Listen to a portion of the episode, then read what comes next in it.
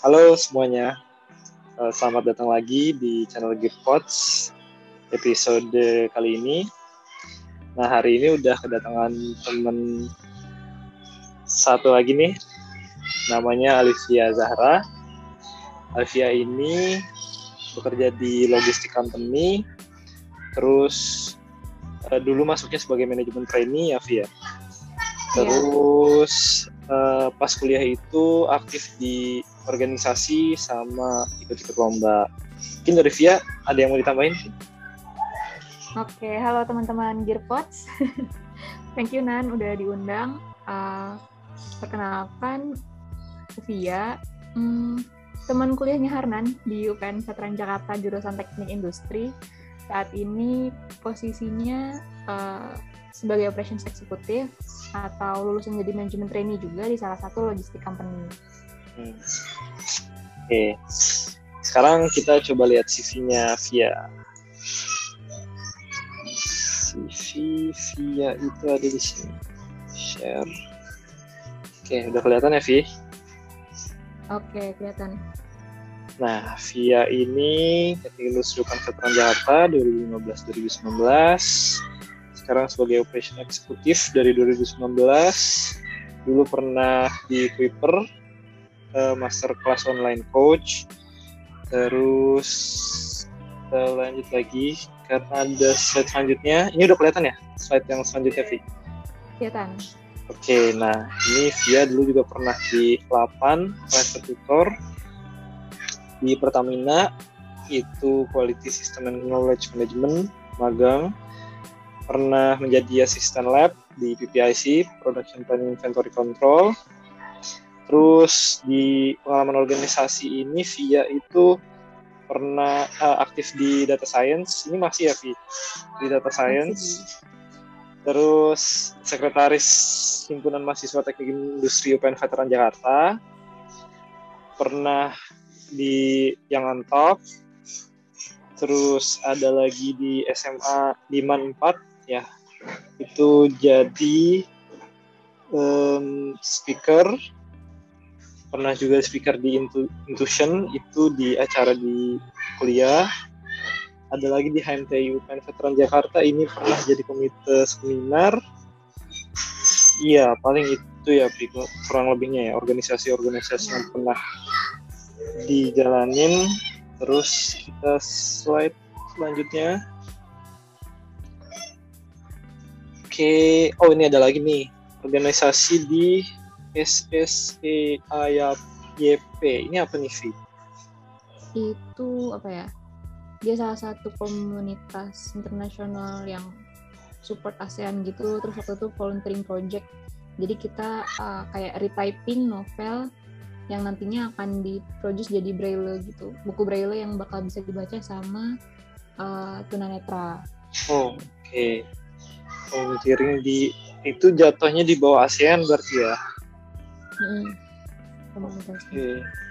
Habis itu pernah juga di Beres ID. Nah, lanjut di publikasi. Publikasi ini berarti jurnal-jurnal yang pernah di uh, keluarin ya dari VIA ya? Iya betul. Oke, ini ada beberapa, ada empat jurnal. Nah, habis itu ada lagi awards. Ini pas masa-masa kuliah ada sama SMA ini juga ada ya Via? Man juga ada ya? Iya, benar. Oke, ini pas masa-masa kuliah sama Man. Oke, wordsnya udah. Terakhir ini seminar dan workshop dari Via yang pernah diikutin. Oke, di stop share dulu ya Vi. Nah, sekarang kita cerita ke uh, pengalaman pas kuliah Vi. Dulu kuliahnya ngapain aja kira-kira?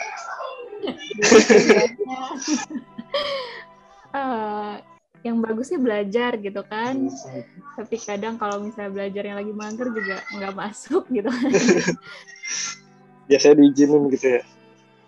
Ya nggak masuk gitu. Terus apa ya uh, mungkin dulu ngerasanya kalau kuliah di kelas itu kan pakai PPT jadi balik lagi sih kayak yang kadang ke dosennya. Kalau misalnya kelihatan materi si dosen ini bisa dikejar gitu ya at the end of the semester gitu. Jadi kayak uh, PPT-nya cukup mewakili pemaparan dia saat di kelas kayaknya masih aman gitu kalau buat nggak ngedengerin atau hadir saat sesinya gitu. Tapi kalau misalnya hmm, pemaparannya itu cukup kompleks dan harus hadir di kelas ya biasanya aku hadir gitu hmm. nah untuk kegiatannya selama di kuliah hmm, ikut komunitas gitu kan komunitas di kampus kayak himpunan HMTI atau Ekoro atau Despro gitu kalau misalnya di luar kampus volunteering atau ikut DSI Data Science Indonesia terus ya paling lomba-lomba sih oh oke okay. um, terus dulu via itu skripsinya tentang big data ya kalau nggak salah ya? Hmm, tentang data mining. Data ya. mining benar. Jadi dulu tentang data mining. Dulu via uh, pas uh, mau cari kerja awal-awal itu emang mau cari kerja di bidang data atau enggak? Enggak. Jadi kebetulan karena waktu itu internnya di Pertamina terus uh, emang lagi apa ya itu ngebahas tentang quality control gitu yang lagi jadi lima aspek macam mutu terus dapat mentor yang uh, dia tertarik sama big data dan data mining akhirnya ya udah kita uh, nerusin report PKL itu ke skripsi. Nah ternyata data mining ini nggak ada dosennya kan di kampus kita. Akhirnya ya udah kita mencari sumber lain maksudnya uh, mentor-mentor lain yang kira-kira bisa bantuin skripsi kita gitu nah data mining ini intinya adalah mengolah berbagai sumber data bisa jadi ada inputnya dan insightnya untuk company gitu Hmm. Oke. Okay. Terus kalau ke proses awal-awal cari kerja itu gimana sih? Dulu awal -awal pas jadi job seeker. Kerja, um, cari di berbagai sumber gitu ya di berbagai platform entah dari LinkedIn, entah dari Jobstreet hmm. atau Tekin Asia dan lain-lain hmm. gitu. Dulu hmm, cita-citanya pengennya di multinational company gitu. Nah, kenapa multinational company? Mungkin karena dia uh, global, terus bahasanya beragam, kepake gitu kan, dan kayaknya lebih seru aja gitu. Nah, prosesnya awal-awal uh, tetap kayak submit di berbagai platform, terus sambil nunggu makanya kenapa join di Quipper itu? Karena di Quipper itu sebenarnya online. Jadi kayak di rumah aja gitu kan. Jadi tutornya hmm. tapi lewat uh, aplikasi dia gitu di rumah. Dan jamnya bebas. Kalau hmm. masuk dibayar kalau enggak ya udah nggak apa-apa gitu. Jadi kalau mau liburan hari Sabtu atau Minggu ya masih oke-oke aja gitu. Possible, ya? tapi tetap ada cuannya iya. Hmm. uh, terus dulu uh, berarti kan mau di multinational company Nah, habis itu alhamdulillahnya sekarang juga yang perusahaan sekarang itu logistik company di multinational company juga ya Via. Iya, betul. Nah, itu dulu proses rekrutmen awalnya itu kayak gimana? Dulu, nah sebenarnya ini kan kayak perusahaan logistik itu perusahaan supply chain gitu. Nah, dulu tuh nggak suka banget sama materi itu gitu ketika kuliah. Nah, tapi waktu kuliah Hindari. juga ya karena itu ribet banget kan mana ada labnya praktikumnya terus tiba-tiba dosen PPIC waktu itu juga nawarin untuk jadi aslab PPIC gitu kan ketika internship. Nah hmm, karena dosennya langsung nawarin kayak ya udah gitu kita jadi aslabnya untuk adik-adik kelas di semester berikutnya. Walaupun di semester sebelumnya kayak udah nih nggak mau lagi nih PPIC tapi semester masih jadi aslab gitu. Nah ternyata dari yang tadinya nggak ngerti gitu kan terus jadi asal kan mau nggak mau belajar lagi gitu. Ya. belajar lagi terus uh, mesti nge-review hasil laporan praktikum ada ada kelas juga gitu kan terus jadi kayak oh ya gitu. Nah ternyata setelah lulus nggak tahu kenapa jalurnya ke sini lagi gitu. Dan uh, pengalaman sebagai atlet PIC juga jadi salah satu pertimbangan mungkin ya. Hmm, karena agak ya? relate gitu kan. Nah, hmm. di perusahaan supply chain walaupun PPIS itu part kecil gitu kan dari supply chain. Terus ya udah di dunia supply chain itu memang kayaknya apa ya identik dengan uncertainty gitu. Dan pergerakan barang itu harus terus terjadi. Jadi kayak pergerakan orangnya nggak boleh lebih lambat dari pergerakan barang itu sendiri. Hmm. gitu. Nah proses awal-awal ini uh, sebenarnya awalnya kayak lewat LinkedIn apply gitu kan. Biasanya kan ada job portal terus kita bisa apply lewat yang isi akses itu tinggal submit CV nah terus uh, lupa prosesnya beberapa bulan kemudian karena pas ingat lagi kayak udah ada di Gmail gitu kan invitation hmm. untuk per stepnya gitu stepnya itu. Tes hmm, online? enggak dia LGD oh, LGD ini masa-masa sebelum pandemi. Oke. okay. 2019 uh, ya? Iya generasi sebelum ada covid.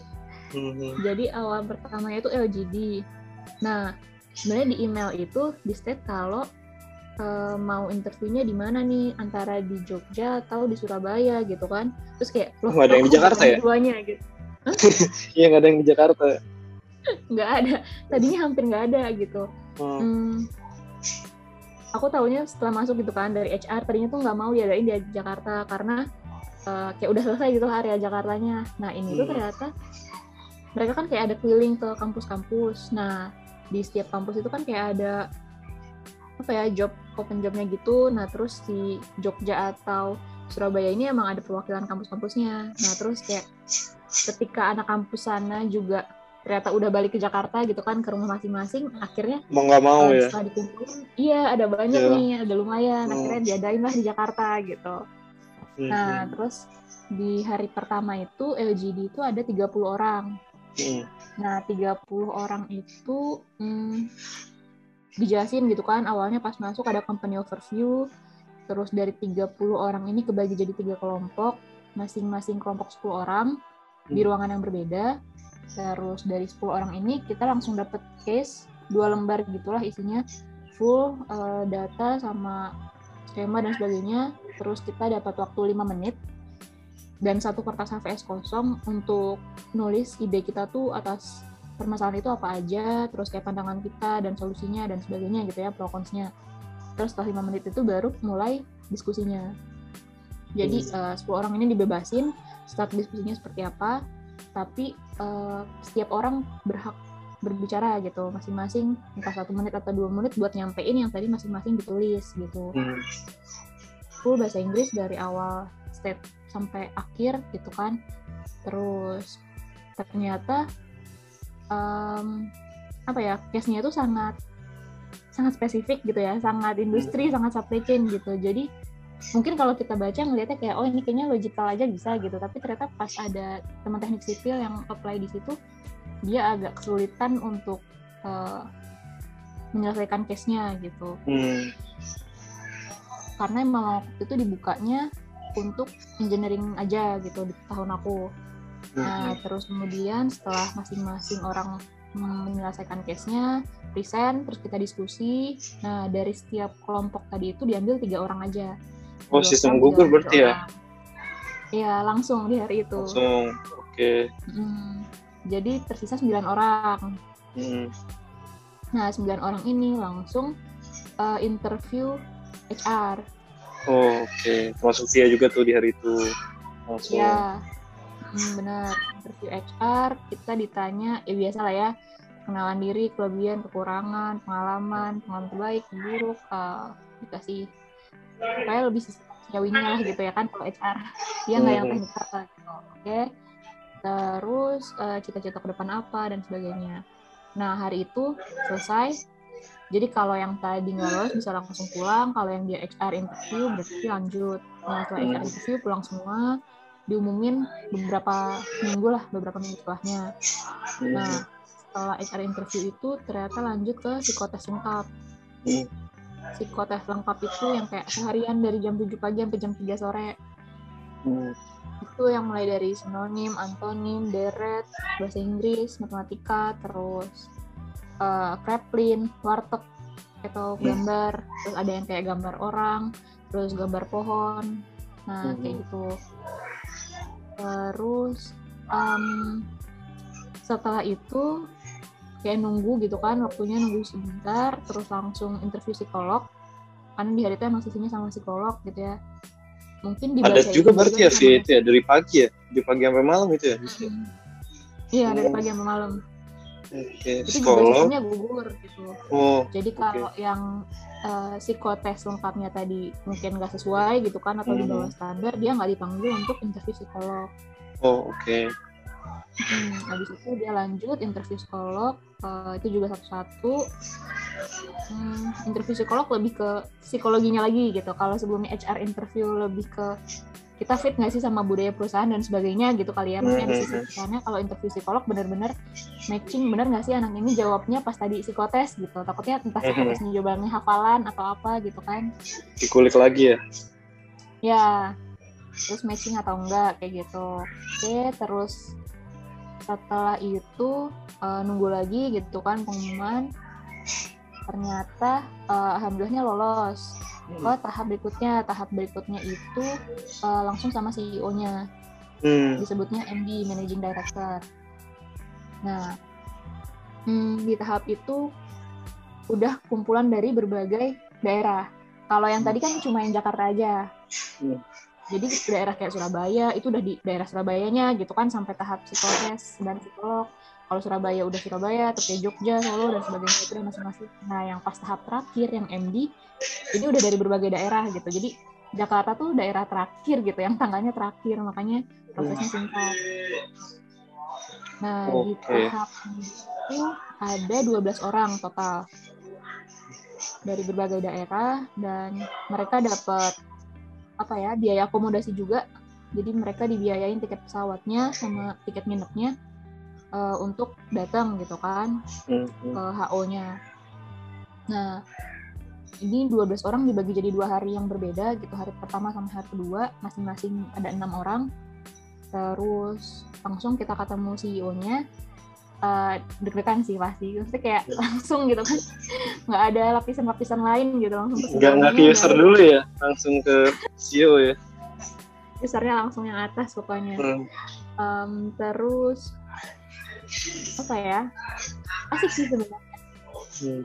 asik diskusinya terus interviewnya juga asik maksudnya kayak hmm, Ngomongin case juga gak Vi? Atau ngomongin Iya. pribadi? itu ngomongin eh, pribadinya ya 50-50 kayaknya Hmm. benernya kayak eh, hobinya apa gitu terus kayak kenapa sih eh, kamu tuh jadi kandidat yang layak lebih dari yang lain gitu terus kayak eh, permasalahan apa terus permasalahan sulit apa yang pernah diselesaikan kayak gitu-gitu Mhm. terus kalau case-nya dikasih case gitu kan. Terus eh, kita langsung harus jawab gitu kan. Hmm. eh, detail gitu kan bla bla bla gitu. Ternyata eh, case yang dia sampaikan tuh real gitu kan real case. Dan eh, solusi yang aku kasih kalau menurut dia tuh masih yang kayak kurang tepat gitu. Solusiku tepat gitu katanya. Solusinya tepat based on teori gitu ya Hmm. kan tapi di lapangan keadaannya berbeda gitu Hmm. ya, kita mah kan ngasih yang ini aja kan kayak main Hmm, material main ya. method gitu ya fishbone-nya gimana why why nya tapi Hmm. ternyata uh, why-nya itu bisa beda kalau di lapangan gitu Hmm. terus yang unik ini sih mungkin ketika interview MD itu uh, ditanya kan lagi apply company apa lagi nih gitu kan selain di Hmm. sini terus oh iya lagi apply di company A gitu misalnya Hmm. terus dia nanya kalau misalnya uh, company A terima uh, di sini terima kamu pilih mana gitu Disuruh Di company. A gitu Ini company apa kan? Berarti bukan company-nya dia, kan yang sekarang. bukan. Terus habis itu Iya, gimana? bukan. Terus, hmm, terus dia bilang, oh, eh, eh enggak sih. Terus ya aku lanjutin walaupun aku milih company A, tapi company A itu nggak punya timeline rekrutmen yang jelas, jadi aku juga belum Oh. tahu pengumuman di sana Hmm. tuh sama di sini duluan mana gitu kan. Terus dia bilang, e, kalau misalnya kamu udah dua tahun di sini, dan tiba-tiba company A bilang, e, kamu ada di sana bisa gitu kan lolos, kamu pilih mana gitu? Pilih company A tetap. Ini kayaknya eh, tidak patut dicontoh deh. Tapi alhamdulillahnya lolos ya, Vi. Ya. Iya, terus ya kayak dia nanya kenapa gitu kan. Ya dijelasin lah kenapa gitu alasan logisnya tetap milih company A walaupun di situ udah sampai tahap itu gitu kan. Mhm.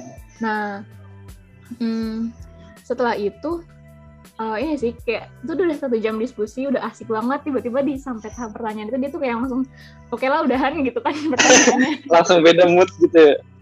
Iya langsung beda berubah. mood habis itu dia langsung closing eh, oke okay, ada pertanyaan apa nih gitu kan buat tamunya ini. Terus ya udah uh, langsung aku tanya hmm, perusahaan ini mention kalau apa ya bisa ngirim barang sampai ke bulan gitu kan. Oh iya.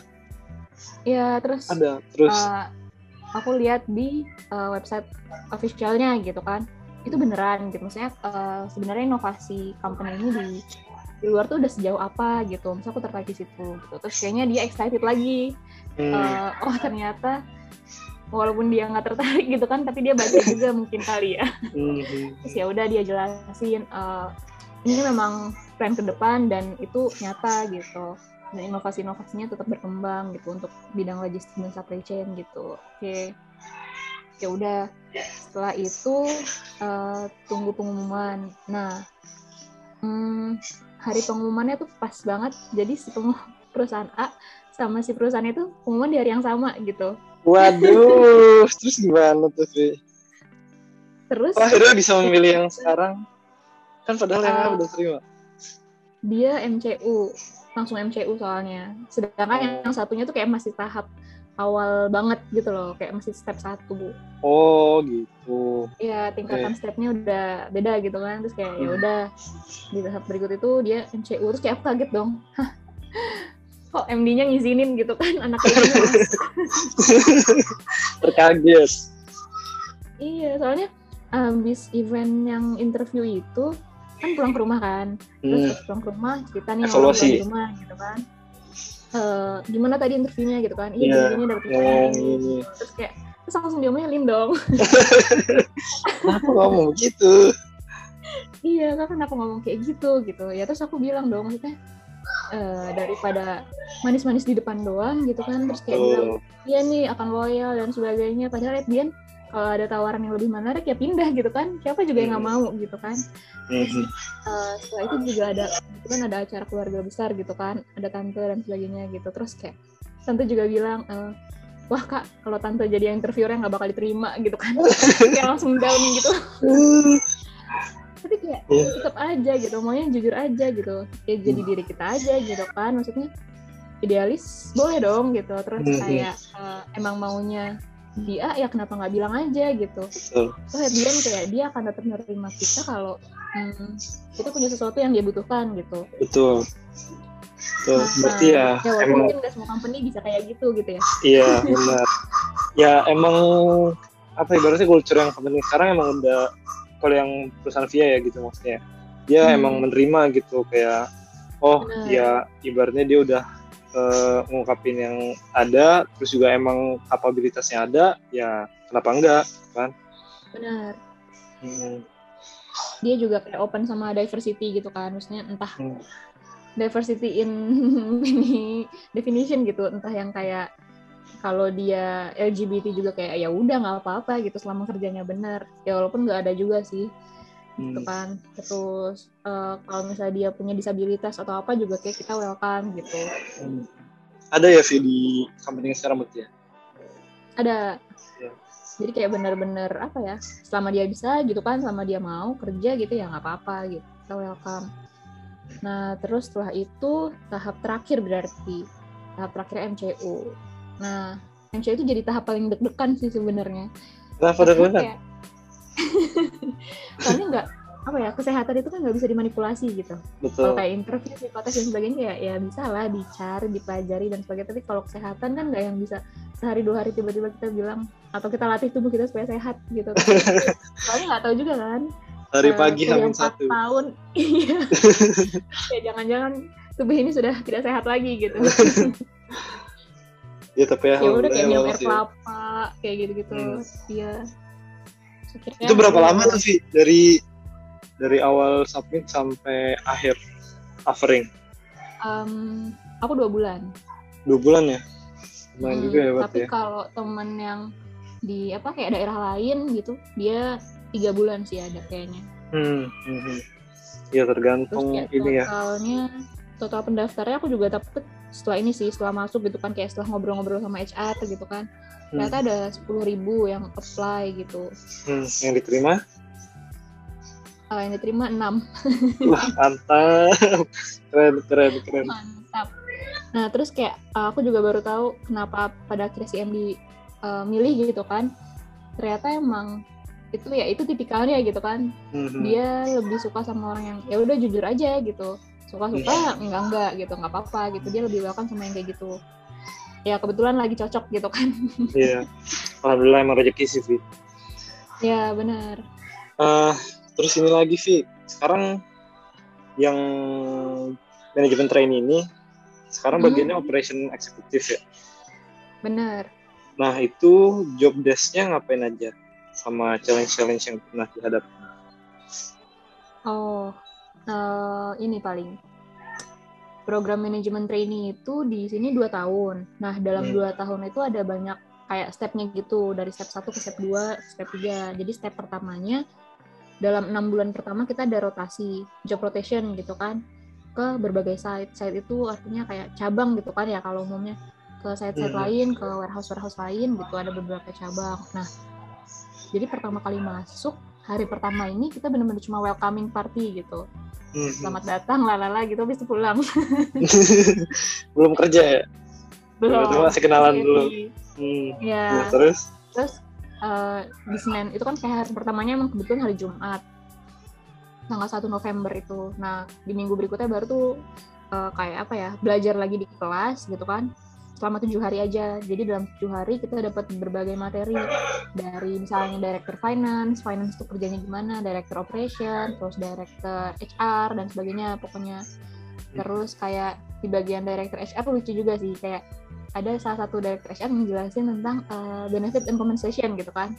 Dia Hmm. jelasin cara ngitung uh, pajak cara ngitung pajak penghasilan BPJS dan sebagainya. Kayak dia ini nggak ada yang nanya kayak nggak ada pak kita udah cukup. Kayaknya juga bingung mau aja apa ya. ya terus kayak ternyata pas Pusing. udah kerja oh ternyata perhitungan itu uh, Oh, pakai gitu kan. Iya. Ternyata oh benefit dan compensation itu penting. Dulu kayaknya waktu awal-awal oh ya udah udah bagus gitu. Mhm. soalnya waktu yang awal oh nah abis MCU diumumin lolos gitu kan ya itu eh, diumumin lewat telepon dulu kan awalnya sebelum ada email resminya gitu. Yaitu Mhm. HR-nya nelfonin satu-satu terus kayak dia ngomong eh, kalau gajinya segini gimana? gitu. Terus kayak oh iya nggak apa-apa dengan senang hati. Terus kayak ya udah em, tahap pertamanya itu mulai dari yang tujuh hari in class itu dapat berbagai materi dan dalam tujuh hari itu ada juga yang langsung ke lapangan gitu. Langsung ke lapangan sama ngejelasin istilah-istilah gitu lah istilah-istilah yang ada di warehouse nah karena mungkin mereka juga tahu ya tujuh hari itu ya sama aja kayak kita kuliah empat tahun gitu kan nggak ngerti apa-apa. Mhm. akhirnya ya udah dicemplungin gitu. Jadi si enam orang ini disebar ke berbagai site.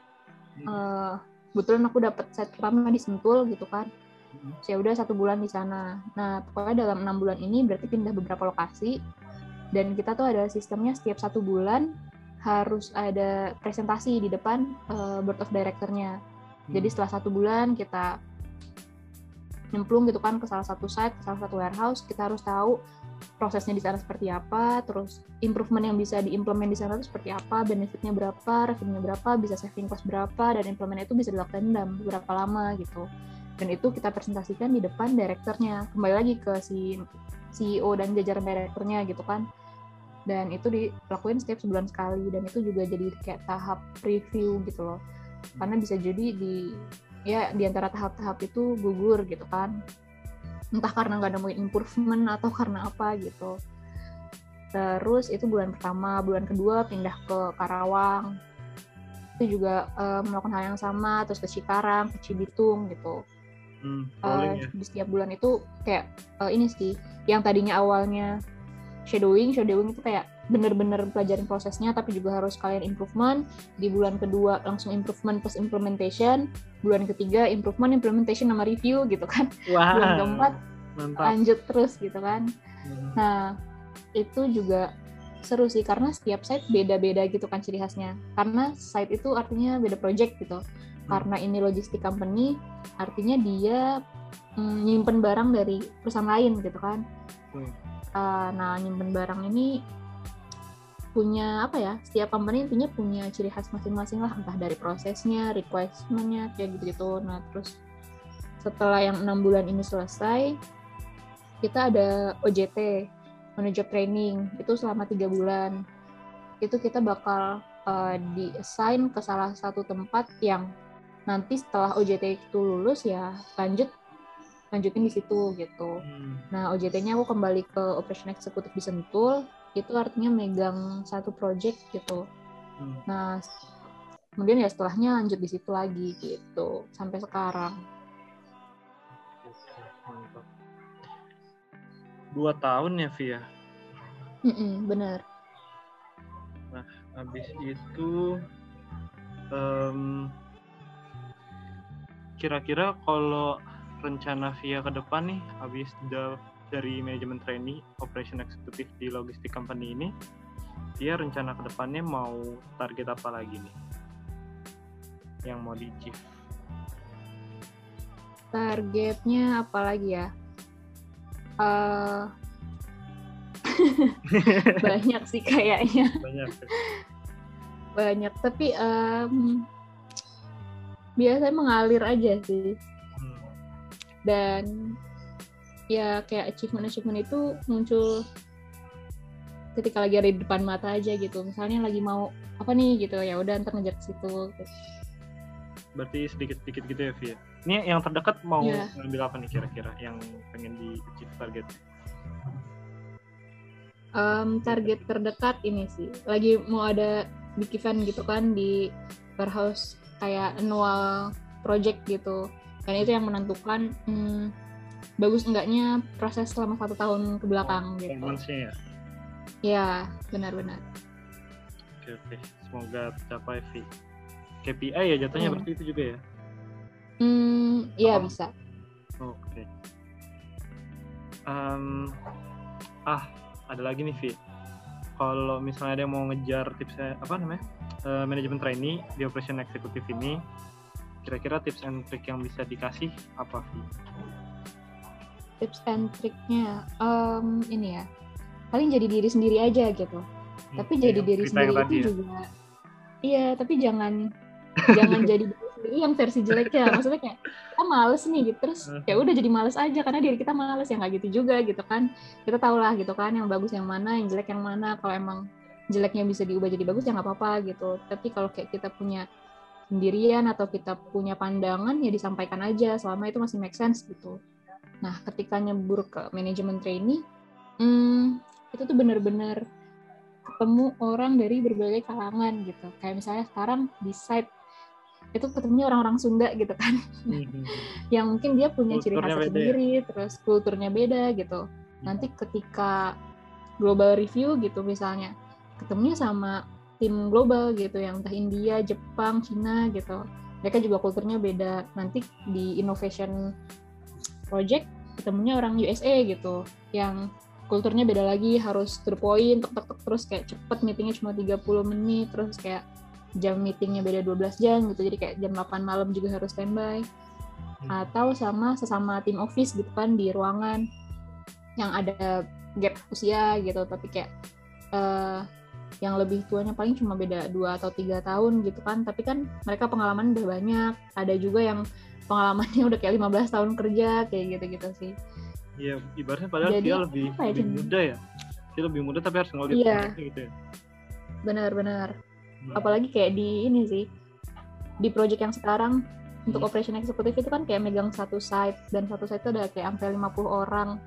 Itu ada yang tahun depan udah pensiun gitu kayak ada yang udah berapa puluh tahun kayaknya udah lebih tua dari ayah aku sendiri gitu. Ya, ya pokoknya dipinter-pinterin lah komunikasinya gimana gitu kan.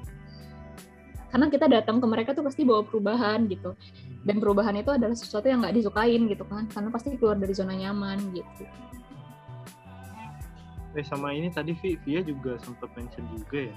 Uh, keluar dari yang tips and trick ini juga tadi Via sempat mention di company yang sekarang itu uh, ngedukung diversitas gitu. Berarti kalau ngomongin masalah gender ini berarti kalau cewek sama cowoknya itu lebih banyak kan cowok apa cewek sih kalau yang sekarang? Kalau di area yang sekarang banyakan banyakan cowok sih. Kayak saya tahu iya. kayaknya sih uh, cowok semua gitu. Yang kerja soalnya kan kayak uh, operate gitu kan mindahin barang yang ceweknya paling hmm, cuma dua orang gitu. Hmm. nah terus Via gimana tuh cara komunikasinya kan? Penasaran juga sih apalagi kan umur beda gender juga ternyata lebih mayoritas pria gitu. Gimana tuh Via? Caranya apa ya? Uh, eh, gak ngerti sih mungkin karena udah kerja gitu jadi kita memandang dia bukan as a gender tapi as uh, job role-nya gitu dia tuh job role-nya di sana apa? Leader supervisor apa apa gitu. Jadi kayak ya kita ngelit dia as dia leader sama as a supervisor gitu. Atau dia uh, picker atau checker atau sebagainya gitu. Bukan karena dia cewek dan dia cowok gitu. Hmm, ya kayak aku juga udah nge-SP orang kayaknya. Aku udah nge-SP orang. Tiga. Ada enam orang ya aku SP kayak. Hmm. ada yang SP2 ada yang SP3 gitu. Juga kayak nge-SP orang atau nge hukum orang gitu kan juga harus ada hmm, apa ya reasonnya di belakang gitu kayak mesti dengerin mereka curhat dulu gitu kayak satu jam diskusi panjang lebar terus kayak mereka minta belas kasihan atau kayak gimana gitu kan tapi kayak ya adil gitu. Misalnya kalau mereka bagus ya kita kasih best employee gitu kan kita kasih hmm. reward gitu. Tapi kalau misalnya emang jelek ya udah kita kasih punishment gitu. Mm -mm. ya berarti based on professionality gitu ya Via? Ya benar. Itu akan jadi lebih mudah sih harusnya mantap, mantap. thank you Vi uh, masukan pesannya okay. um, oh ini kita udah masuk sesi terakhir juga jadi kalau misalnya ada yang mau nanya lebih lanjut ke Via itu kontaknya bisa ke mana nih oh iya kalau ada yang mau nanya lebih lanjut Instagram kali ya atau Instagram, Instagram. atau LinkedIn Instagram namanya uh, username-nya Olivia. Olivia underscore ZHR. Oh iya, Olivia underscore ZHR. Oke, nanti ditaruh di kolom deskripsi juga. Link-nya juga ya, Via. Ya. Oke, um, terakhir uh, ada closing statement mungkin dari Via sebelum ditutup. Closing statement apa ya? Hmm, satu persen lebih baik itu akan membentuk habit baru sih. Jadi kayak satu persen lebih baik setiap harinya akan berakumulasi jadi 365 kali lebih baik at the end of the year gitu. Jadi uh, jangan pernah bosan untuk improve diri kita gitu kan. Dan apa ya selalu kayak invest dari leher ke atas gitu. Misalnya kita nggak pernah akan rugi kalau misalnya kita invest diri kita gitu atau habisin uang buat belajar dan sebagainya karena Lebihan itu jadi investasi terbesar diri kita di masa yang akan datang. Oke, okay, siap, noted. Thank you, Vi. Closing statement. Thank you, Nan. Mantap. Nah, uh, ya paling itu aja, teman-teman. A few moments later. Uh, mungkin kalau misalnya di video ini ada salah kata atau kurang lebihnya, uh, mohon maaf. Iya, paling itu aja. Eh, sampai ketemu di episode-episode selanjutnya. Makasih banget Vi udah ngisi hari ini. Thank you. Uh, ya, uh, sampai jumpa di Podcast karena semua orang punya cerita.